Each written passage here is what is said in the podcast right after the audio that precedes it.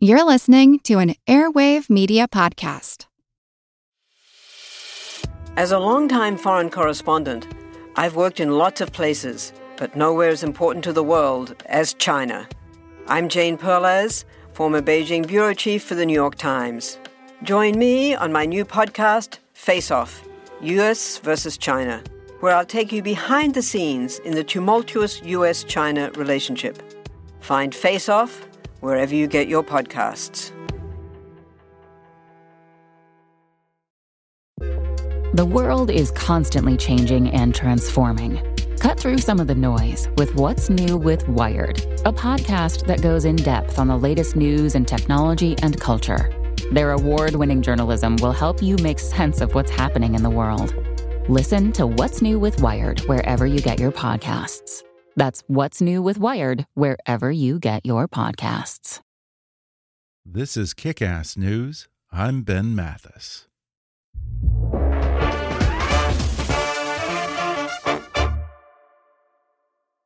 Hey, folks, it's Ben here. You might not know this about me, but before I started this podcast, I spent years working as a political consultant to campaigns and candidates. It was interesting work, but the worst part of it was all the invoicing and having to hound those dodgy politicians over and over again just to get paid what I was owed. Are you tired of chasing down payments for your small business? Well, then let me tell you about Wave. With Wave's easy to use invoicing software, you can customize your invoices, look professional, and get paid faster for your work. Use Wave's recurring invoicing feature so you can sit back, relax, and get back to doing what you love. Create your account at waveapps.com slash kick and get started with 100% free and unlimited invoicing. Again, that's waveapps.com slash kick. Today, I'm happy to welcome best selling neuroscientist and cognitive psychologist Daniel Levitin back to the show. Last time, he came on the podcast to discuss his book, A Field Guide to Lies. And this time, he's back with a fascinating guide to the thing that we all dread growing old. His book, Successful Aging A Neuroscientist Explores the Power and Potential of Our Lives, overturns many of the myths and misconceptions about what happens to us in our later years. And today, Dan Levitin reveals that growing old is a lot more than just a gradual period of decline. Indeed, he says there are many aspects of life where people actually get better with age. Then Dan also explains how the memory works, why online brain games probably don't do all that they promise, and how taking up a new hobby or starting a second career could be the best thing for keeping the mind sharp. He debunks most of the longevity diets and supplements out there, as well as a whole bunch of common myths, from the idea that old people get more depressed to the belief that the elderly need less sleep. Plus, Dan shares the secrets of the world's sharpest and most active seniors, from former Secretary of State George Shultz to the Dalai Lama. Coming up with Dr. Daniel Levitin in just a moment.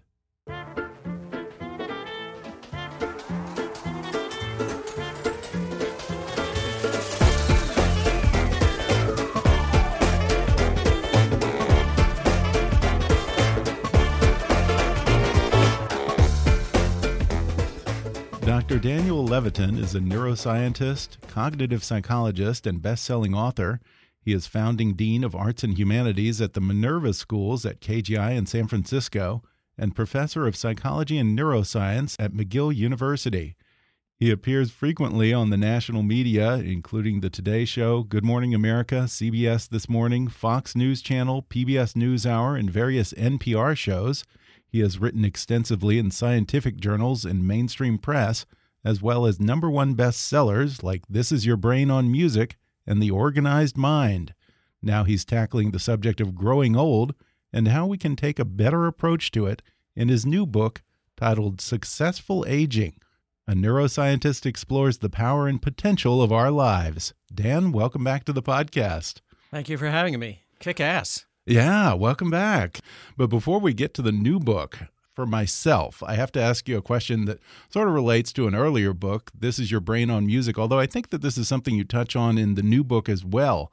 My wife and I are expecting our first child in late February. Congratulations. And thank you. I, have been contemplating whether to expose her to music in the womb, We all heard this stuff, the baby Mozart and all that. And recently I've seen research that actually seems to debunk the value of that. What do you think? Is there anything to playing music in the womb? I've not seen the research that debunks it. We know that by the age of 20 weeks, the auditory system of the fetus is fully functional. And uh, if you play music for your uh, developing baby, um, he or she is going to wire up their neural circuits in response to that music. Mostly, what gets through the amniotic fluid are low pitches, the bass lines, the drums. Okay. And so, when your child is born, they're going to have a head start at understanding the rhythmic structure of music and Hmm. some of the tonal structures from the, the bass notes. Okay. And you know, if you if you want to have a child who doesn't like music, you know, by all means, don't play music to them. but, okay. Um, playing music is very helpful. okay. And so, in, in terms of brain development, though, are there benefits to that sort of thing? Well, in, in terms of developing a musical brain, yeah, Right. Okay. okay. and, and auditory acuity, which Mhm. could lead to better reading and speaking. hmm Interesting. Well, from newborns to the elderly, your latest book is called Successful Aging, and it explores what really happens as we age and perhaps how we can learn to age better. Uh, this still sort of falls into your expertise as a neuroscientist, but it's a little bit of a departure for you. How much of your sudden interest in aging is personal? Well, uh, I'd say it's it's partly personal um, and and partly professional. So I Mhm. I've noticed all my life uh, there are musicians who age well and those who don't. I mean, musicians who, and I would expand this to artists in general, painters and writers who who seem to keep running along smoothly through their 70s, 80s, and 90s and being innovative, and others who sort of peter out. Uh, and I saw it in the university where some of my colleagues would retire early at age 60 because they just seemed tired and not with it, and they recognized that. And yet, I've got colleagues in their 80s and 90s. When I was a student, I had professors in their 80s and 90s. So, as a neuroscientist, that intrigued me. What What is the difference here? Now, I'm curious in terms of musicians, who are examples of musicians who are growing and expanding and Well, I think still, what- still productive creatively? Yeah, well, so the, the the productive and creative ones that come to mind are Paul Simon, hmm who starting in the year 2000, and I would add Rodney Crowell, who's 15, 10 years younger than, than Paul. Uh, yeah, eight, eight, eight, nine or 10 years younger. The two of them, starting in the year 2000, released a series of records that were better than anything they had done in a very illustrious and creative past, and each one was better than the last. They're pushing the boundaries. Uh, Rodney's about 68 now, Paul's about 77. Uh, and Paul just re- released a record recently where he reimagined, rearranged, and revisited some of his earlier songs. So Huh. that's a kind of creative um, artistry, somewhat Yeah. late in life for somebody who had a hit when he was in his 20s. Yeah. Yeah. That, that I really admire. Now, we tend to view aging as this gradual decline where you reach a certain point and then everything about you seems to atrophy. Is that really the case, though? It's not. It, it might have been the case 50 years ago, Mhm. but it's a false narrative for 2020. Um, old age is not necessarily a time of debilitation and decline. Uh, sure, there's some slowing down, but for example, there's no evidence that in most people well into their 90s, uh, th- th- there's memory impairments or that there are Really? uh, depression setting in or anything like that. Really? That, False That's fascinating. So you know, you were asking about the connection between this and the lies book. yeah. There's kind of a lies component to a lot of the claims that uh, people make about how to age successfully in terms of diet and supplements, and there's a lies component to the overall societal narrative about what it means to age. Yeah, I mean that's heartening to hear because, you know, I'm at middle age, I'm 45 now and I worry about cognitive decline all the time these days. I feel like, you know, I'm having trouble recalling names. I go into a room, forget why I'm there, I forget where I left things. Do you think that we're really getting more forgetful as we age or maybe is it some issue of we're just hyper aware of it as we age. And, you know, the fact is, Alzheimer's was not making the kind of headlines 20 years ago when I was younger that it is now. Well, dementia and Alzheimer's are, are diseases of age. In fact, the single biggest predictor of whether you'll get Alzheimer's or not is age. hmm It's the number one risk factor. uh, we didn't used to live long enough to get it. Right. Um, but in terms, and certainly it's real, and some people get it, and it's characterized by memory impairment, but it's far rarer than we realize. Um, for one thing, there are a lot of misdiagnosed cases where Mhm. somebody is uh, older and suffering from the symptoms of memory impairment, and it turns out they just haven't been getting good sleep. And you restore sleep, the memory comes back. No kidding. That's Or- fascinating. Uh, it could be polypharmacy, a mixture of different Mhm. medications that older adults often take, causing side effects that include memory impairment. You straighten out that, modifying some doses, taking some drugs out of the cocktail, the memory comes back. Um, two other factors.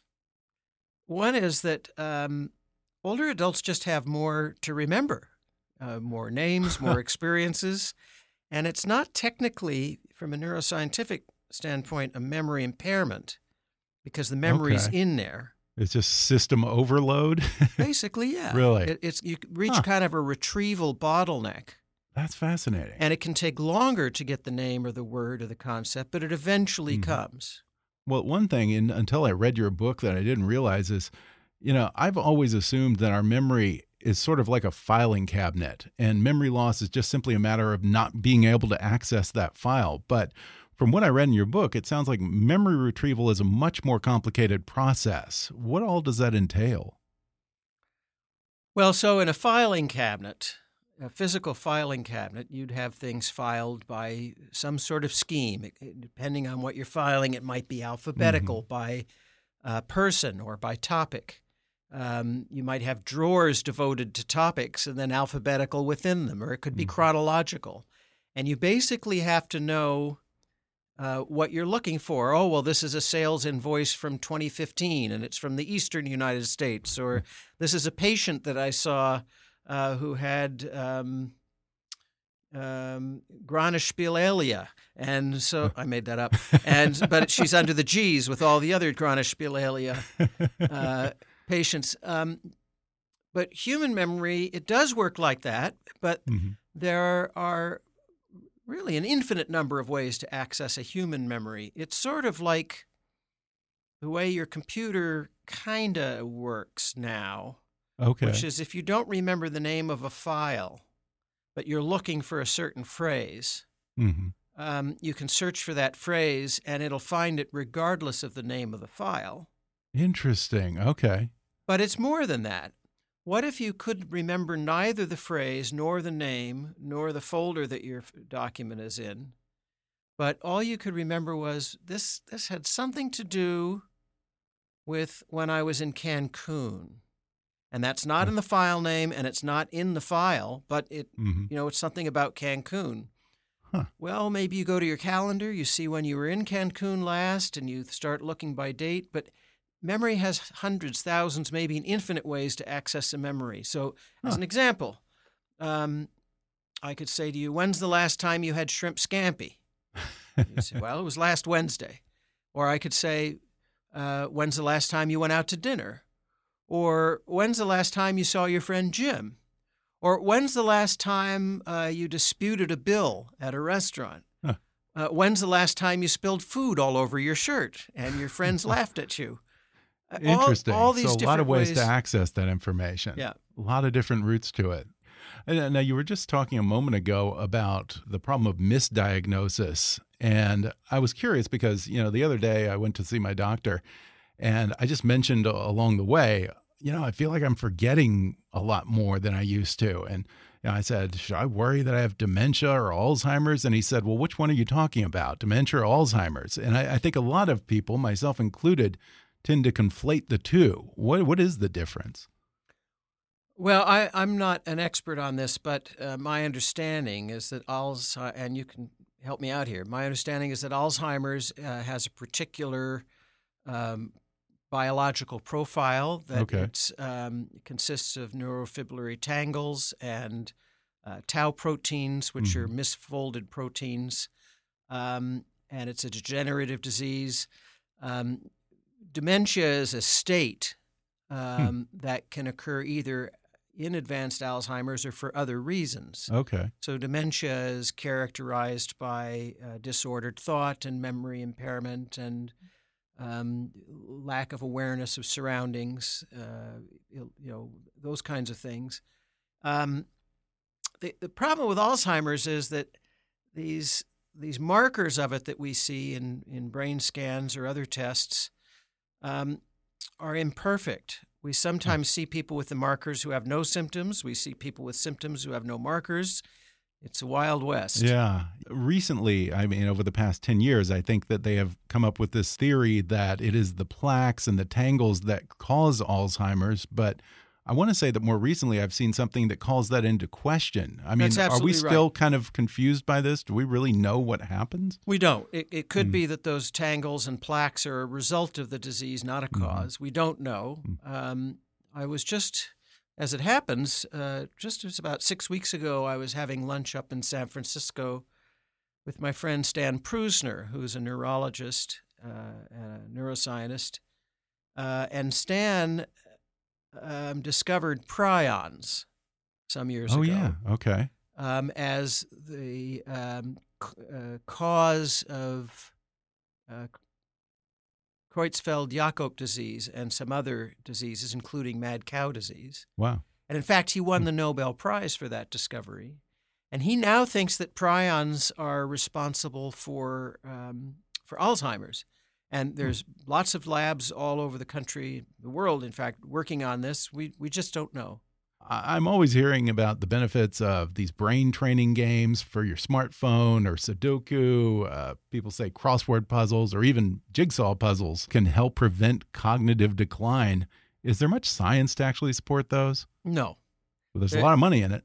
Yeah, well, wh- where there's a lot of money, there's often a lot of, of false claims and Yeah. lies and, and misinformation and disinformation, as we talked about last time. In this case, um, if you do Sudoku and crossword puzzles uh, and you keep doing them, all that's going to happen is you'll get better at those. It doesn't improve your memory or make you better at anything else, with one exception. Huh. There's some emerging evidence that if you take them up at a later age, say you're 60 or 70, you've never Oh. done them, and you start doing them. Uh huh. like doing anything new at that age, Mhm. you're uh, engaging neuroplasticity. Mhm. You're making new synaptic connections. You're causing neural pathways to form that weren't there before. And that is Huh. healthful and protective against Alzheimer's. But it doesn't have to be Sudoku or Jigsaw or crossword. It could be learning a new language or playing an instrument or travel. And I also heard somewhere along the way that doing more things with your non dominant hand can actually help build new neural pathways. That's probably that. That's certainly true. Uh, Yeah. I, I, it's, it's probably helpful. It's certainly true. Now, what are the best strategies for improving cognitive health down the road? Well, I would say the the big one is um, if you're not conscientious by nature, Okay. to do whatever you can to improve your conscientiousness. Wait, Um, what do you mean by that? Well, conscientiousness is a cluster of personality traits or individual differences. We all fall along a continuum, Uh huh. and it includes things like uh, reliability, dependability, rule following, Okay. um, Huh. doing what you say you'll do, uh, a certain amount of stick to itiveness. Mm-hmm. And people who are conscientious uh, do better on a host of positive life outcomes and Huh. health comes at every stage of life. Really? It's the biggest single factor, more than genetics, more than environment. Setting Why aside, you know, people who might get bashed in the head or who've gone to war or something. Uh-huh. It's the biggest predictor. And if you think about it, let's unpack it. A conscientious kid doesn't cross against the light, right. Okay. so doesn't get hit by a bus. okay. Conscientious adult follows rules and doesn't end up in prison. Okay. Okay. Conscientious person um, wears their seatbelt. Mm-hmm. They don't take unnecessary risks. They um, they don't become heroin addicts. Okay. Usually, they if something goes wrong, they go see the doctor right Uh-huh. away, and Okay. they actually have a doctor. You know, Right. Right. So, um, being conscientious is important, especially as we get older. Mhm. Conscientious about your diet, Mhm. your uh, exercise and movement, your okay. sleep routine. Okay. And the good news is you can kick ass and change your personality at any age. Huh. The entire field of psychotherapy is based on that, of course, but there are other ways too. Really? Drugs, antidepressants can increase conscientiousness. Uh, that's fascinating because uh, that sort of goes against this trope of, you know, the old curmudgeon like a Larry David or Walter Matthau type who's totally resistant to change. So we actually uh, have ways that we can change and grow at later life, huh? We're not set in our patterns. Well, so the Larry David Walter Matthau thing is, uh, I mean, it, it's Larry David's, uh, tell, it's his persona, of course. Right. Uh, and in his persona, he, he doesn't want to change. Mm -hmm. And part of what I argue in Successful Aging, the new book, is that we have to follow the advice of Dylan Thomas. Do not go quiet into that good night. Rage against it. Rage against the machine. Push Yeah. back. Push against the complacency. Now, in reality, Larry David is not that person. Larry David was effectively a failed comic, stand up comic, Right. who turned to writing and was successful at that with the Seinfeld show, hmm and then reinvented himself somewhat late in life as an on screen personality and a persona. Yeah. And so he did actually Okay. change. Yeah, yeah, I guess he did. and he's a good example of, you know, one thing that I hear not just from you, but a, a lot of people say never ever retire. Just keep on going. Even if it's just uh, working part-time or volunteering something, but don't retire. Don't just sit in front of the television or stare out the window for the rest of your life. That was going to be my second piece of advice. Yeah. uh, don't retire. And I spoke to a number of very productive people who were older, and um, that was the thing that came up over and over and over again. hmm As Jane Goodall told me, 89 years old, still Yeah. keeps a punishing tour schedule. Yeah, she does. She has a lot of speaking engagements. She does. She says, "Don't stop." Hmm. Judy Collins, age 80, don't stop. Yeah. Um, it it was it was Julia Hurricane Hawkins, my new hero, 103 year old competitive runner. Oh, I've seen her. Yes, She yes. I think she wrote a book, didn't she recently? Yes, she did, Yeah. and she just took yeah. gold medals in the senior games, broke a world record for Wow. running, and Good she didn't her. even begin competitive running till she's 100. Wow. Uh, Talk about That's pretty you know, changing, you know, rewriting your story. We're going to take a quick break, and then I'll be back with more when we come back in just a minute.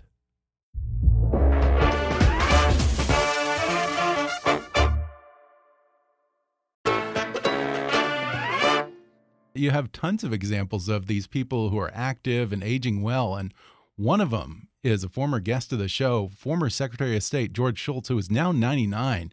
He blows my mind. I saw him last uh, probably a year or two ago, but at the time, at least, he was walking uh, with the cane, but he wasn't in a wheelchair. He still was traveling. He gets dressed up in a suit and tie when he goes out. He teaches, he writes. He's still very sharp mentally. He's my new hero. He is. And so uh, I write about him in the book as I did in The Organized Mind. Um, I, I've been fortunate to know him since the 80s, and uh, he just keeps going. Uh, he, he's modified his work schedule a bit. He Mhm. now goes in in the mornings and, um, and often goes home in the afternoon. But he has many activities once he's at home. He's Mhm. reading. He's an avid reader. He published his 11th book at age 97. And Yeah. um, my favorite story about uh, George is that when I went to see him a year ago, so he was just turning 98, he had a, a, on his desk a pile of file folders on one side and another pile of file folders on the other. Huh. And I said, um, What's all this? You usually keep a very clean desk. He said, Well, he said, I started this project many years ago. And I realized I was in over my head because it's an area I didn't have enough expertise in. And I just put it in some uh, cardboard boxes, you know, banker's boxes, to Yeah. come back to someday. Huh. And he said, just recently here at the center, at the Inst- Hoover Institute, he said we had uh, we've hired a new, a young new guy, and this is really his area of expertise. And uh, you know, we met, and he was interested in the project. All these folders on this side of the desk are things that he's gone through in the last week. And these folders on the and we're going to discuss them when he comes here at lunchtime. And the folders on the other side of the desk are the ones I'm going to give him after our talk. He says we're making such great progress. I can't believe how how this how much energy this young guy has. His name is Jim Timbie. He's just amazing. Huh. New project for George, pushing his boundaries. Yeah. Uh, and I said, by the way, how old is young Jim Timbie? He says 75. oh, that's hilarious. But, you know, George is 98. Yeah. So uh, um, the, the, the message about don't retire, um, you know, we're talking about people like George who's staying more or less in his profession. yeah. Uh, but Julia Hurricane Hawkins was a retired school teacher. She retired to something else.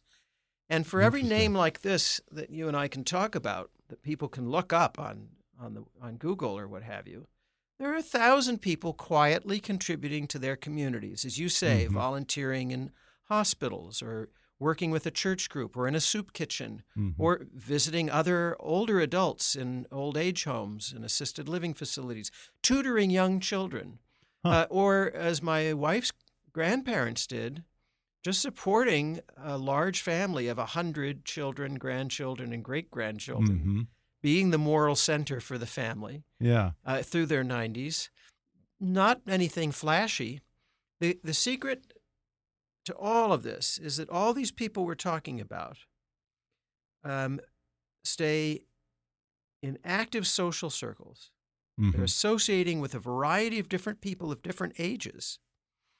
Um, they are um, doing something that gives their life a sense of purpose. Mhm. And in some way, they're contributing to the community.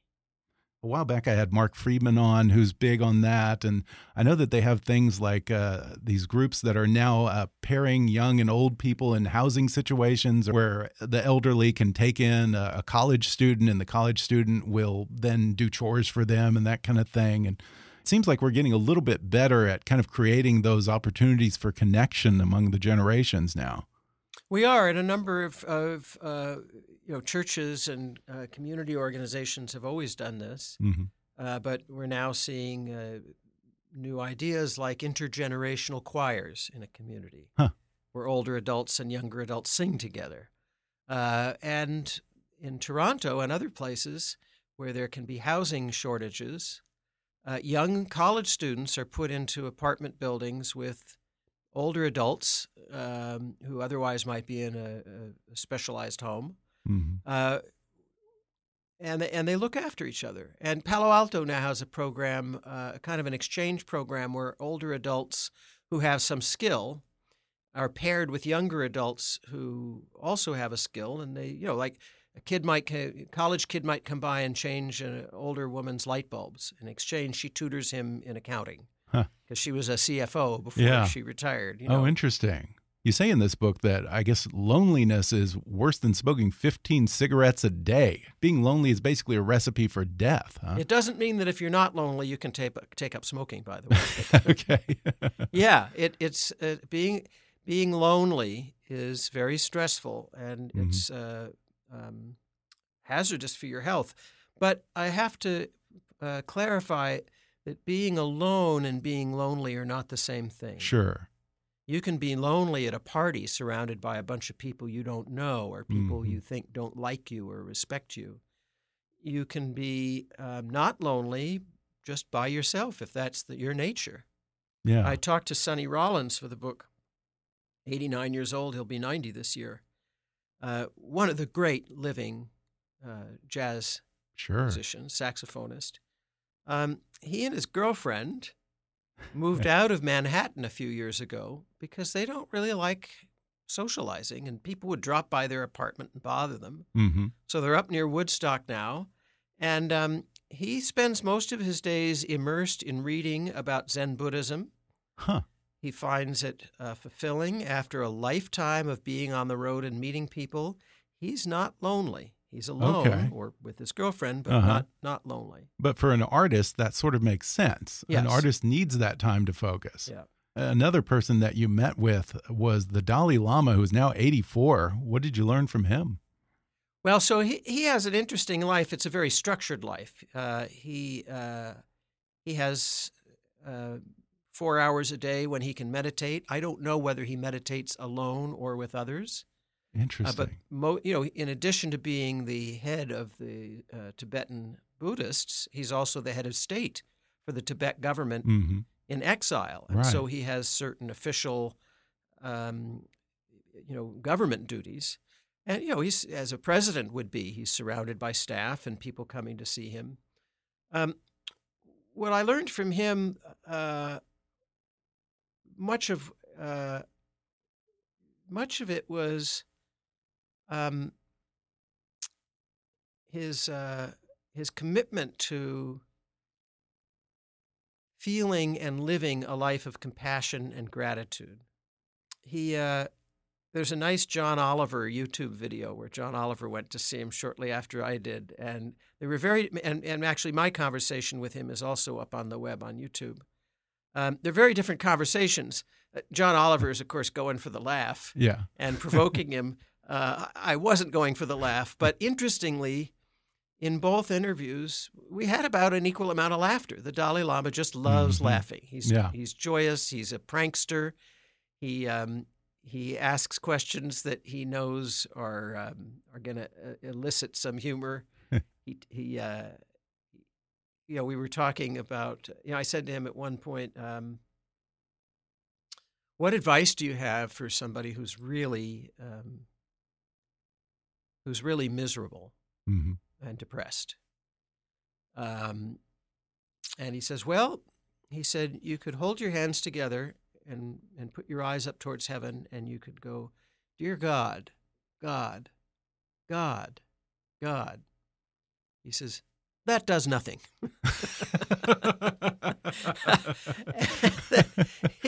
and then he he broke in and corrected himself and he says or added to it he says i'm not sure i would say that if the pope was here That's hilarious. and i said well maybe this pope uh, but his whole thing is that it's not about uh, throwing your lot in with prayer and Mhm. with a greater being uh, buddhists don't necessarily believe in a creator in the way that uh, Mhm. catholics do Right. But um, his his thing is that to solve depression, you need to meditate on gratitude, and it's true. I mean, neuroscience and the Dalai Lama come together on this. If you're feeling thankful for what you have, and not focusing on what you don't, hmm depression melts away.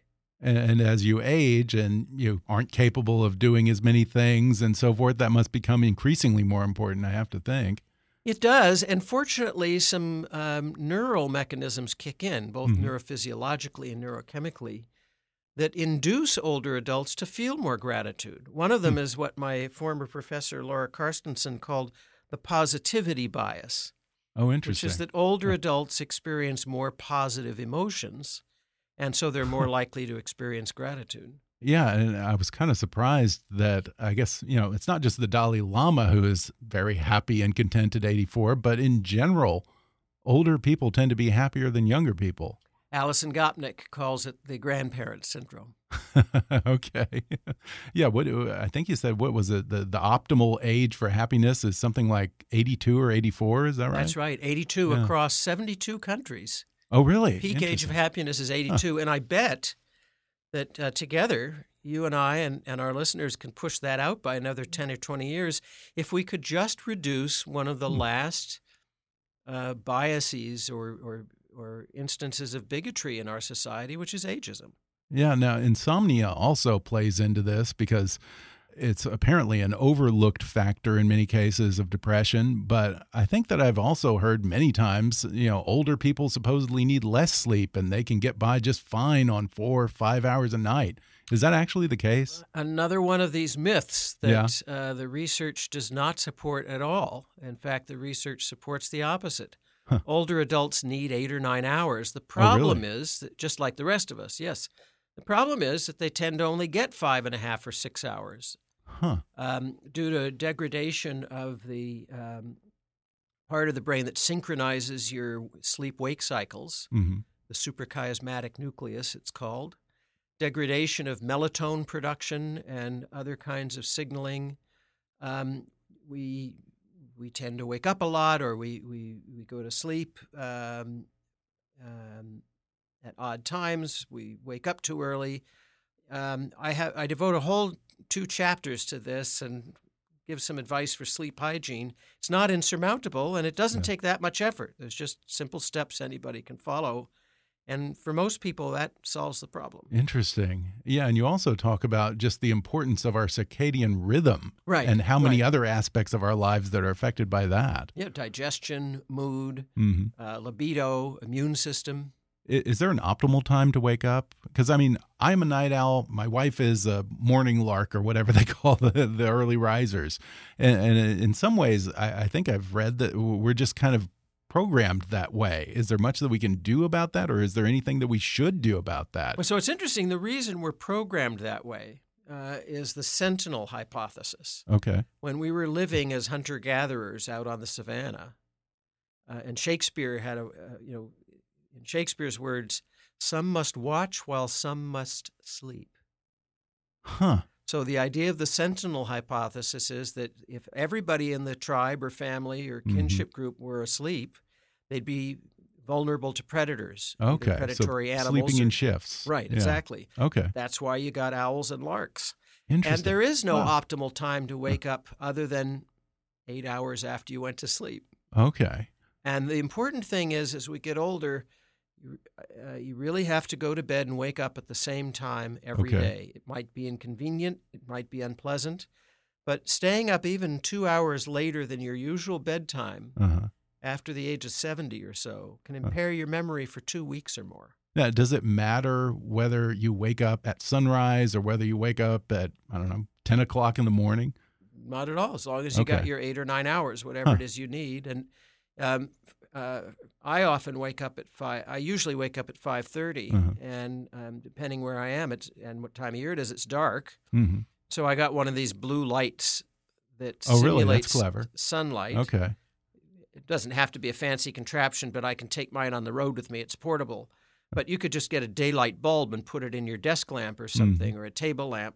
The idea is that the pineal gland needs uh, UV light and sunlight in order to set the biological clock. Okay. It's one of these things that we call a Zeitgeber, a Mhm. time giver from the German. Okay. Uh, that light uh, stimulates the synchrony of your biological clock and the production of wake up hormones. Um, and then darkness does the opposite. It stimulate, stimulates the production of melatonin and sleepiness. Now, we also associate old age with chronic pain. Do you think that old people really experience more pain than young people? They seem to, but then they grow out of it. They Uh, grow out of it. yeah, How do you uh, do that? Well, I mean, You just accept it, or or no, what? no, for reasons that we don't fully understand. Around the mid 80s, uh, pain seems to decrease. Huh. And part of it is that the sensory receptors are less sensitive, Oh, okay. but that that's would make not most of the story. Really? We just don't understand it. And you also say that sometimes the elderly do themselves a little bit of a disservice because they don't report pain to their doctor. Right. Why don't they want to talk about that? Well, I think uh, there's a stigmatization. Uh, we don't want to seem old. We Mhm. don't want to um, complain about something that doctors really can't do anything about. Okay. Pain, the, basically, as my friend Jeff Mogil says, a pain researcher in Canada, the way we treat pain, you can go to the most sophisticated hospital in the most sophisticated country in the world. We're treating pain the same way today as we did 2,000 years ago. We either give you the bark of a tree, which is aspirin, Okay. or we give you the um, s- seeds of a flower, which is opium, Oh, opiates, or okay. you know, synthetic Yeah. forms Yeah. of those. Huh. Uh, we we're not very far along in pain research. Yeah. Now, another area of research that's getting a ton of money is longevity. Uh, we have all these Silicon Valley billionaires and transhumanists who have spurred tons of research into longevity. The goal, I guess, is supposedly to be able to extend life or maybe even, according to some people, cure death. More recently, I've been reading research that suggests that there might be a limit to how many times our cells can replicate. So there might actually be a ceiling of something like, I think, around 120 years. Do you think that there's a way around that?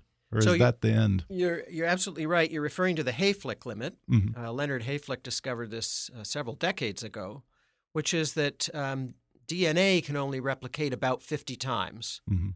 uh, before uh, it stops. And it's not that it has a pre-programmed end date or expiration date. Okay. It's it's it's it's uh, for a more technical reason than that. But the big picture here is that um, we are looking at different kinds of substances that um, can extend life, and uh, really by delaying the side effects of senescence or aging. So it's not Huh. that you'd live to be 200 and you'd be twice as decrepit looking as a 100 year old. Uh, it's that, you know, at 200, you'd look like 100 now, and it.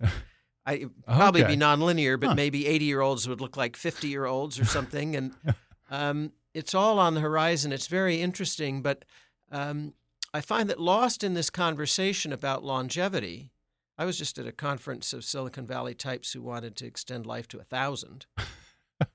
um, lost in the conversation is is usually a kind of blind focus on longevity without a focus on quality of life. Right. Right. So I think everybody will have to make up their own mind. But for me, I don't want to live to be 200 if I spend the last 110 years in a chair Sure. drooling on myself and not knowing where I am. Yeah. What do you think is more likely or easier to do? To extend life or improve the quality of life in old age? Well, we're already improving the quality of life. Mhm. Uh, 80 year olds, 90 year olds, and 100 year olds are. Uh, it, this is really the best time to be those ages in history. Mhm. They're they're living healthier. Uh, they're living more engaged uh, lives full of enjoyment and meaning. That's the part of the conversation I want to change. The Yeah. societal narrative that you know after a certain age you fade. Most of us don't have to, and and many of us don't. Uh, so the uh, it's true that nobody on record has lived beyond 123. hmm We may see people living longer. We don't really understand why people time out. But um, I think that for me, my own, and I'm not speaking now as a professional, as a neuroscientist, but my own um, private desire is that we do spend more time on extending healthy life Yeah. healthy period of your life rather than the actual number of years that you get. Yeah. And one way we can do that is by eliminating cancer and other things that really, and chronic pain, which uh, which really debilitate. It's looking like inflammation is a root cause of both. So that's right. a promising right. avenue. I've been of- reading that a lot. Yeah. yeah, that's a Yeah. promising avenue of research. Uh, my colleague Jim Allison just won the Nobel Prize for discovering immunotherapies that uh, allow your body's own immune system to kill cancer. Most people don't realize this, but you're getting you know little tumors all the time. Huh. Your body gets rid of them when the you know immune Really? system attacks them. No kidding. It's the ones that you have to worry about that go into your immune system and trick it and say, "Hey, we're not really cancer. Just just keep walking. Just just you know you know you know don't stop here. Keep going." yeah. Uh, but what Allison figured out how to do is Wow. to get those immune system components uh, to, to actually stop at the cancer and, and say, "Oh no no, I'm not listening to it. Fake news. You're cancer. I'm getting rid of you." uh, before we go, you list five lifestyle choices that are the biggest factors in later life success. And you have this handy acronym for them, COACH. Uh, what does that stand for? Walk us through those. well, so C and O and A kind of go together. Okay. They're curiosity and openness.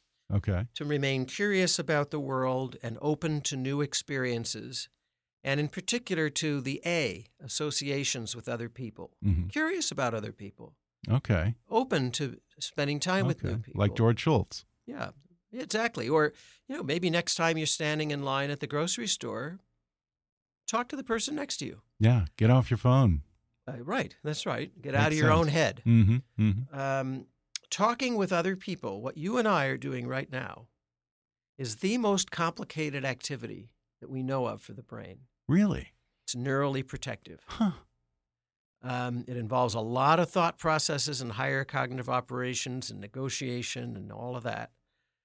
The next, C- the next C, C O A C H, the, Uh-huh. the second C is conscientiousness, which we already okay. talked about. Right. Right. um, developing conscientiousness about um, these other factors, conscientiously being curious, open, and associative.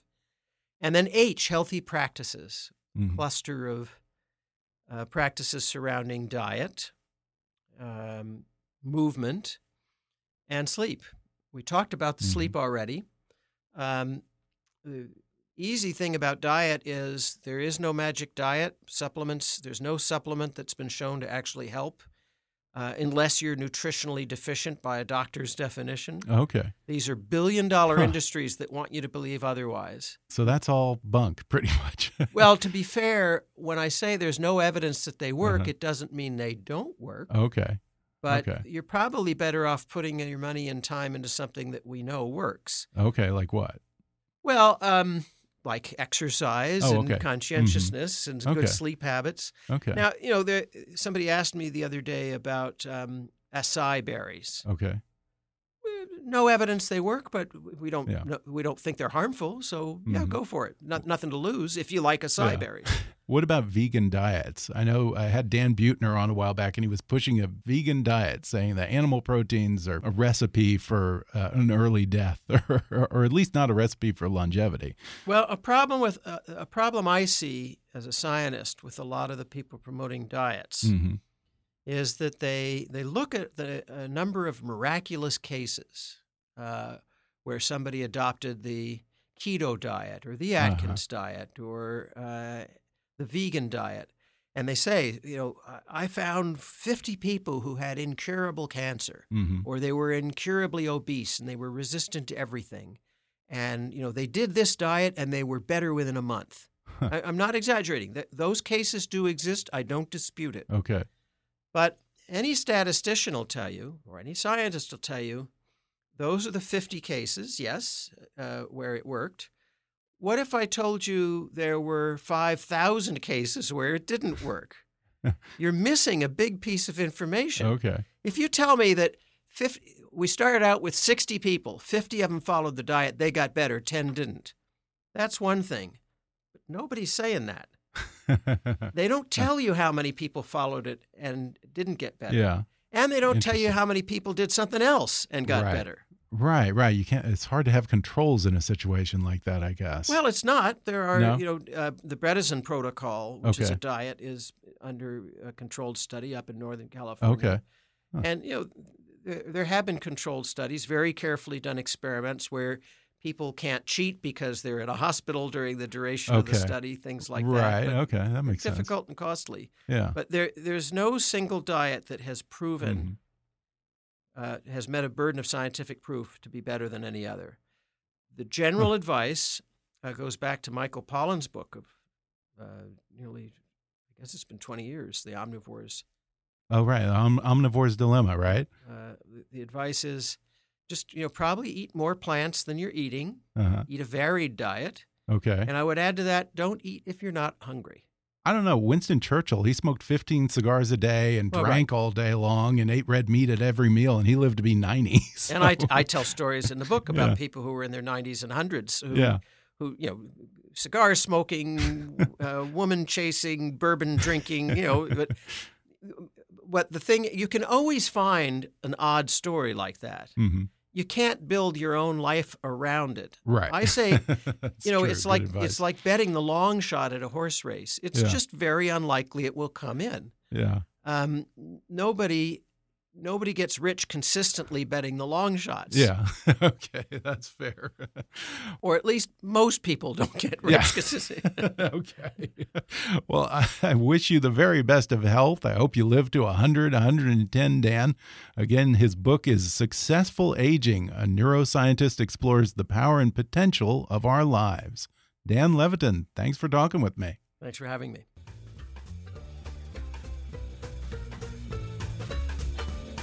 Thanks again to Dr. Daniel Levitin for coming on the show. Order his new book, Successful Aging. A neuroscientist explores the power and potential of our lives on Amazon, Audible, or wherever books are sold. And keep up with Dan at daniellevitin.com or on Twitter at, at danlevitin. If you enjoyed today's podcast, be sure to subscribe to us on Apple Podcasts and rate and review us while you're there. Five star ratings and detailed reviews are one of the best ways for new listeners to discover the show. You can also follow us on Facebook or on Twitter at, at KickassNewsPod and recommend us to your friends on your social media. For more fun stuff, visit kickassnews.com, and I welcome your comments, questions, and suggestions at comments at kickassnews.com. For now, I'm Ben Mathis, and thanks for listening to Kickass News.